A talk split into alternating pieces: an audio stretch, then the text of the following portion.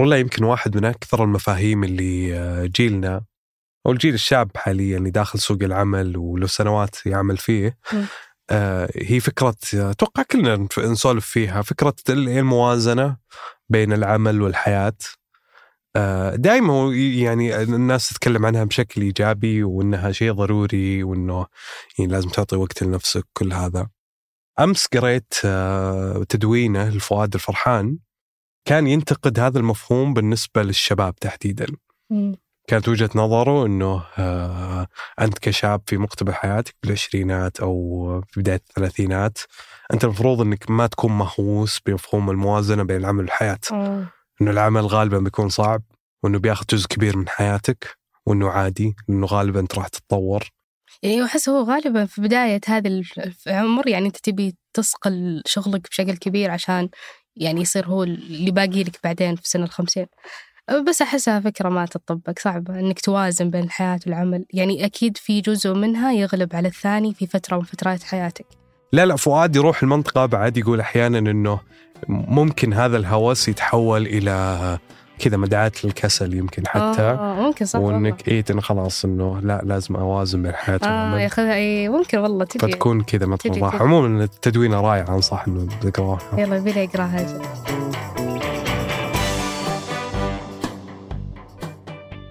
هذا. بودكاست الفجر من ثمانية. بودكاست فجر كل يوم نسرد لكم فيه سياق الأخبار اللي تهمكم. معكم أنا مشاري الحمود. وأنا رولا عبد الرحمن.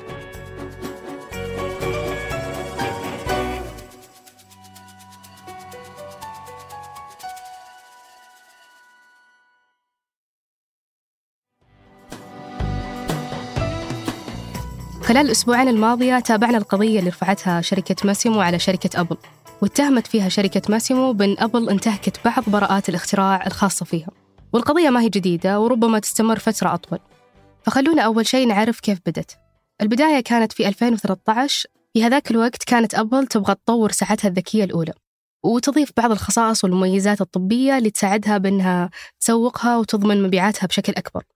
وعشان تخلي ساعتها بمثابة مساعد طبي مناسب لأي مستخدم فهي في هذيك الفترة آه، عملت عدة شراكات واجتماعات مع عدد من الشركات الطبية. ومن ضمن الشركات الطبية كان في عدة اجتماعات مع شركة ماسيمو المتخصصة في تطوير التقنيات الطبية. وخلال الاجتماعات اطلعت أبل على مجموعة من البيانات والمعلومات والمستندات اللي قدمتها شركة ماسيمو. واللي كلها تتعلق بتقنيات طبية تملكها شركة ماسيمو. وكان ضمن الاجتماع خطة لنوايا أبل على الاستحواذ على شركة ماسيمو. وبعد اجتماعهم الأول وفي العام التالي وتحديدا 9 أبريل 2014 أعلنت أبل عن دخولها لقطاع الساعات الذكية وأطلقت أول ساعة لها. واستمرت إصدارات من ساعات أبل وفي كل مرة توعد أبل بأن مستقبل الساعة هو أنه يكون كمساعد طبي للمستخدمين. وفي عام 21 رفعت شركة ماسيمو شكوى أمام اللجنة الأمريكية للتجارة الدولية.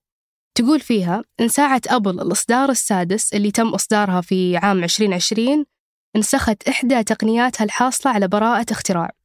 وساعة أبل إصدار السادس كانت أول إصدار يتضمن وظيفة لقياس مستوى تشبع الأكسجين في الدم.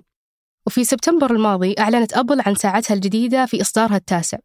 وفي حدث الإعلان ركزت أبل بشكل كامل على الميزات الصحية الموجودة في الساعة. واللي تحمل ميزات طبية مثل آه، قياس درجة حرارة الجسم وتخطيط القلب الكهربائي. وبدأ النزاع بين الشركتين حول ميزة استشعار الأكسجين في الدم.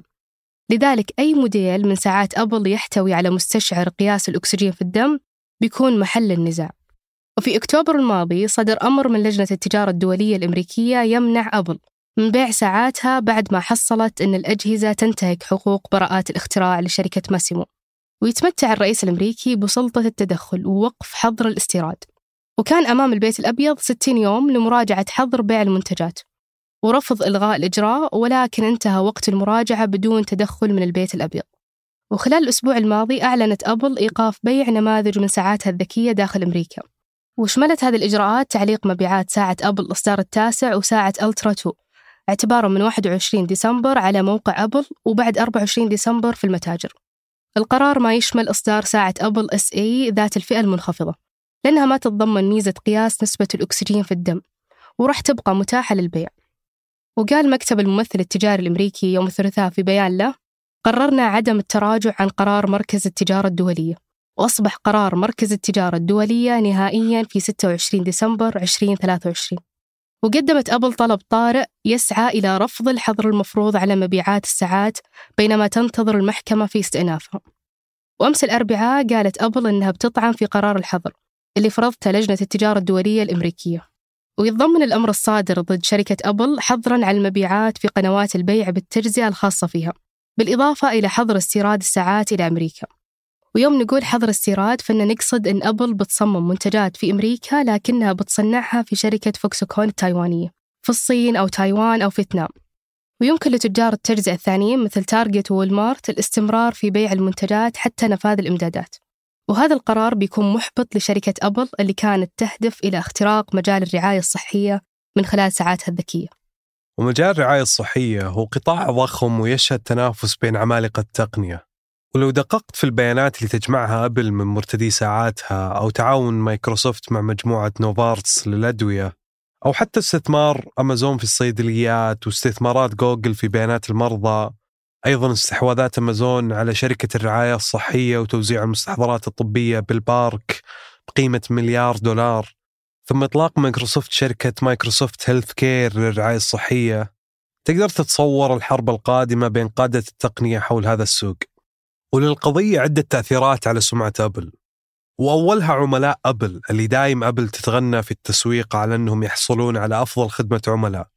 العملاء اللي اشتروا ساعات أبل من إصدارات 6 و7 و8 واللي تتضمن كلها ميزة قياس نسبة الأكسجين في الدم ما راح تكون مؤهلة للإصلاح حتى يتم رفع الحظر.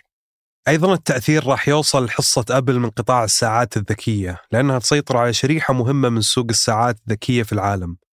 ودائما تشكل مواسم مبيعات العطلات في الولايات المتحدة وأوروبا قفزة في المبيعات وطلب عالي على الساعات. وبالتأكيد راح يبقى إصدار ساعة أبل 9 وإصدار ألترا 2 متاحين للشراء خارج الولايات المتحدة. إذا تعتقد أن بودكاست الفجر أفادك مواكبة أخبار العالم ومتغيرات اللي فيه شاركوا مع أهلك وأصدقائك وعلى مواقع التواصل وخلهم مطلعين معك.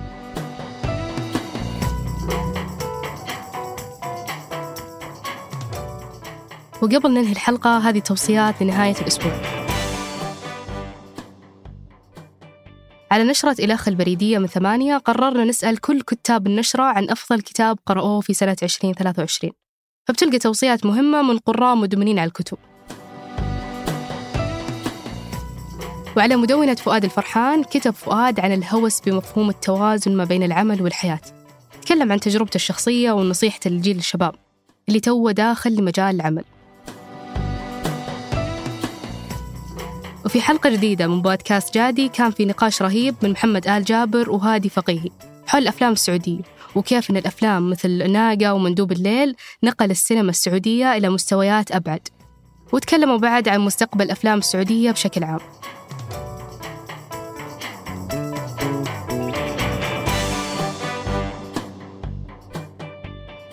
أنتج هذه الحلقة سفر عياد وقدمتها أنا مشاري الحمود. وأنا رولا عبد الرحمن. وحررها محمود أبو ندى.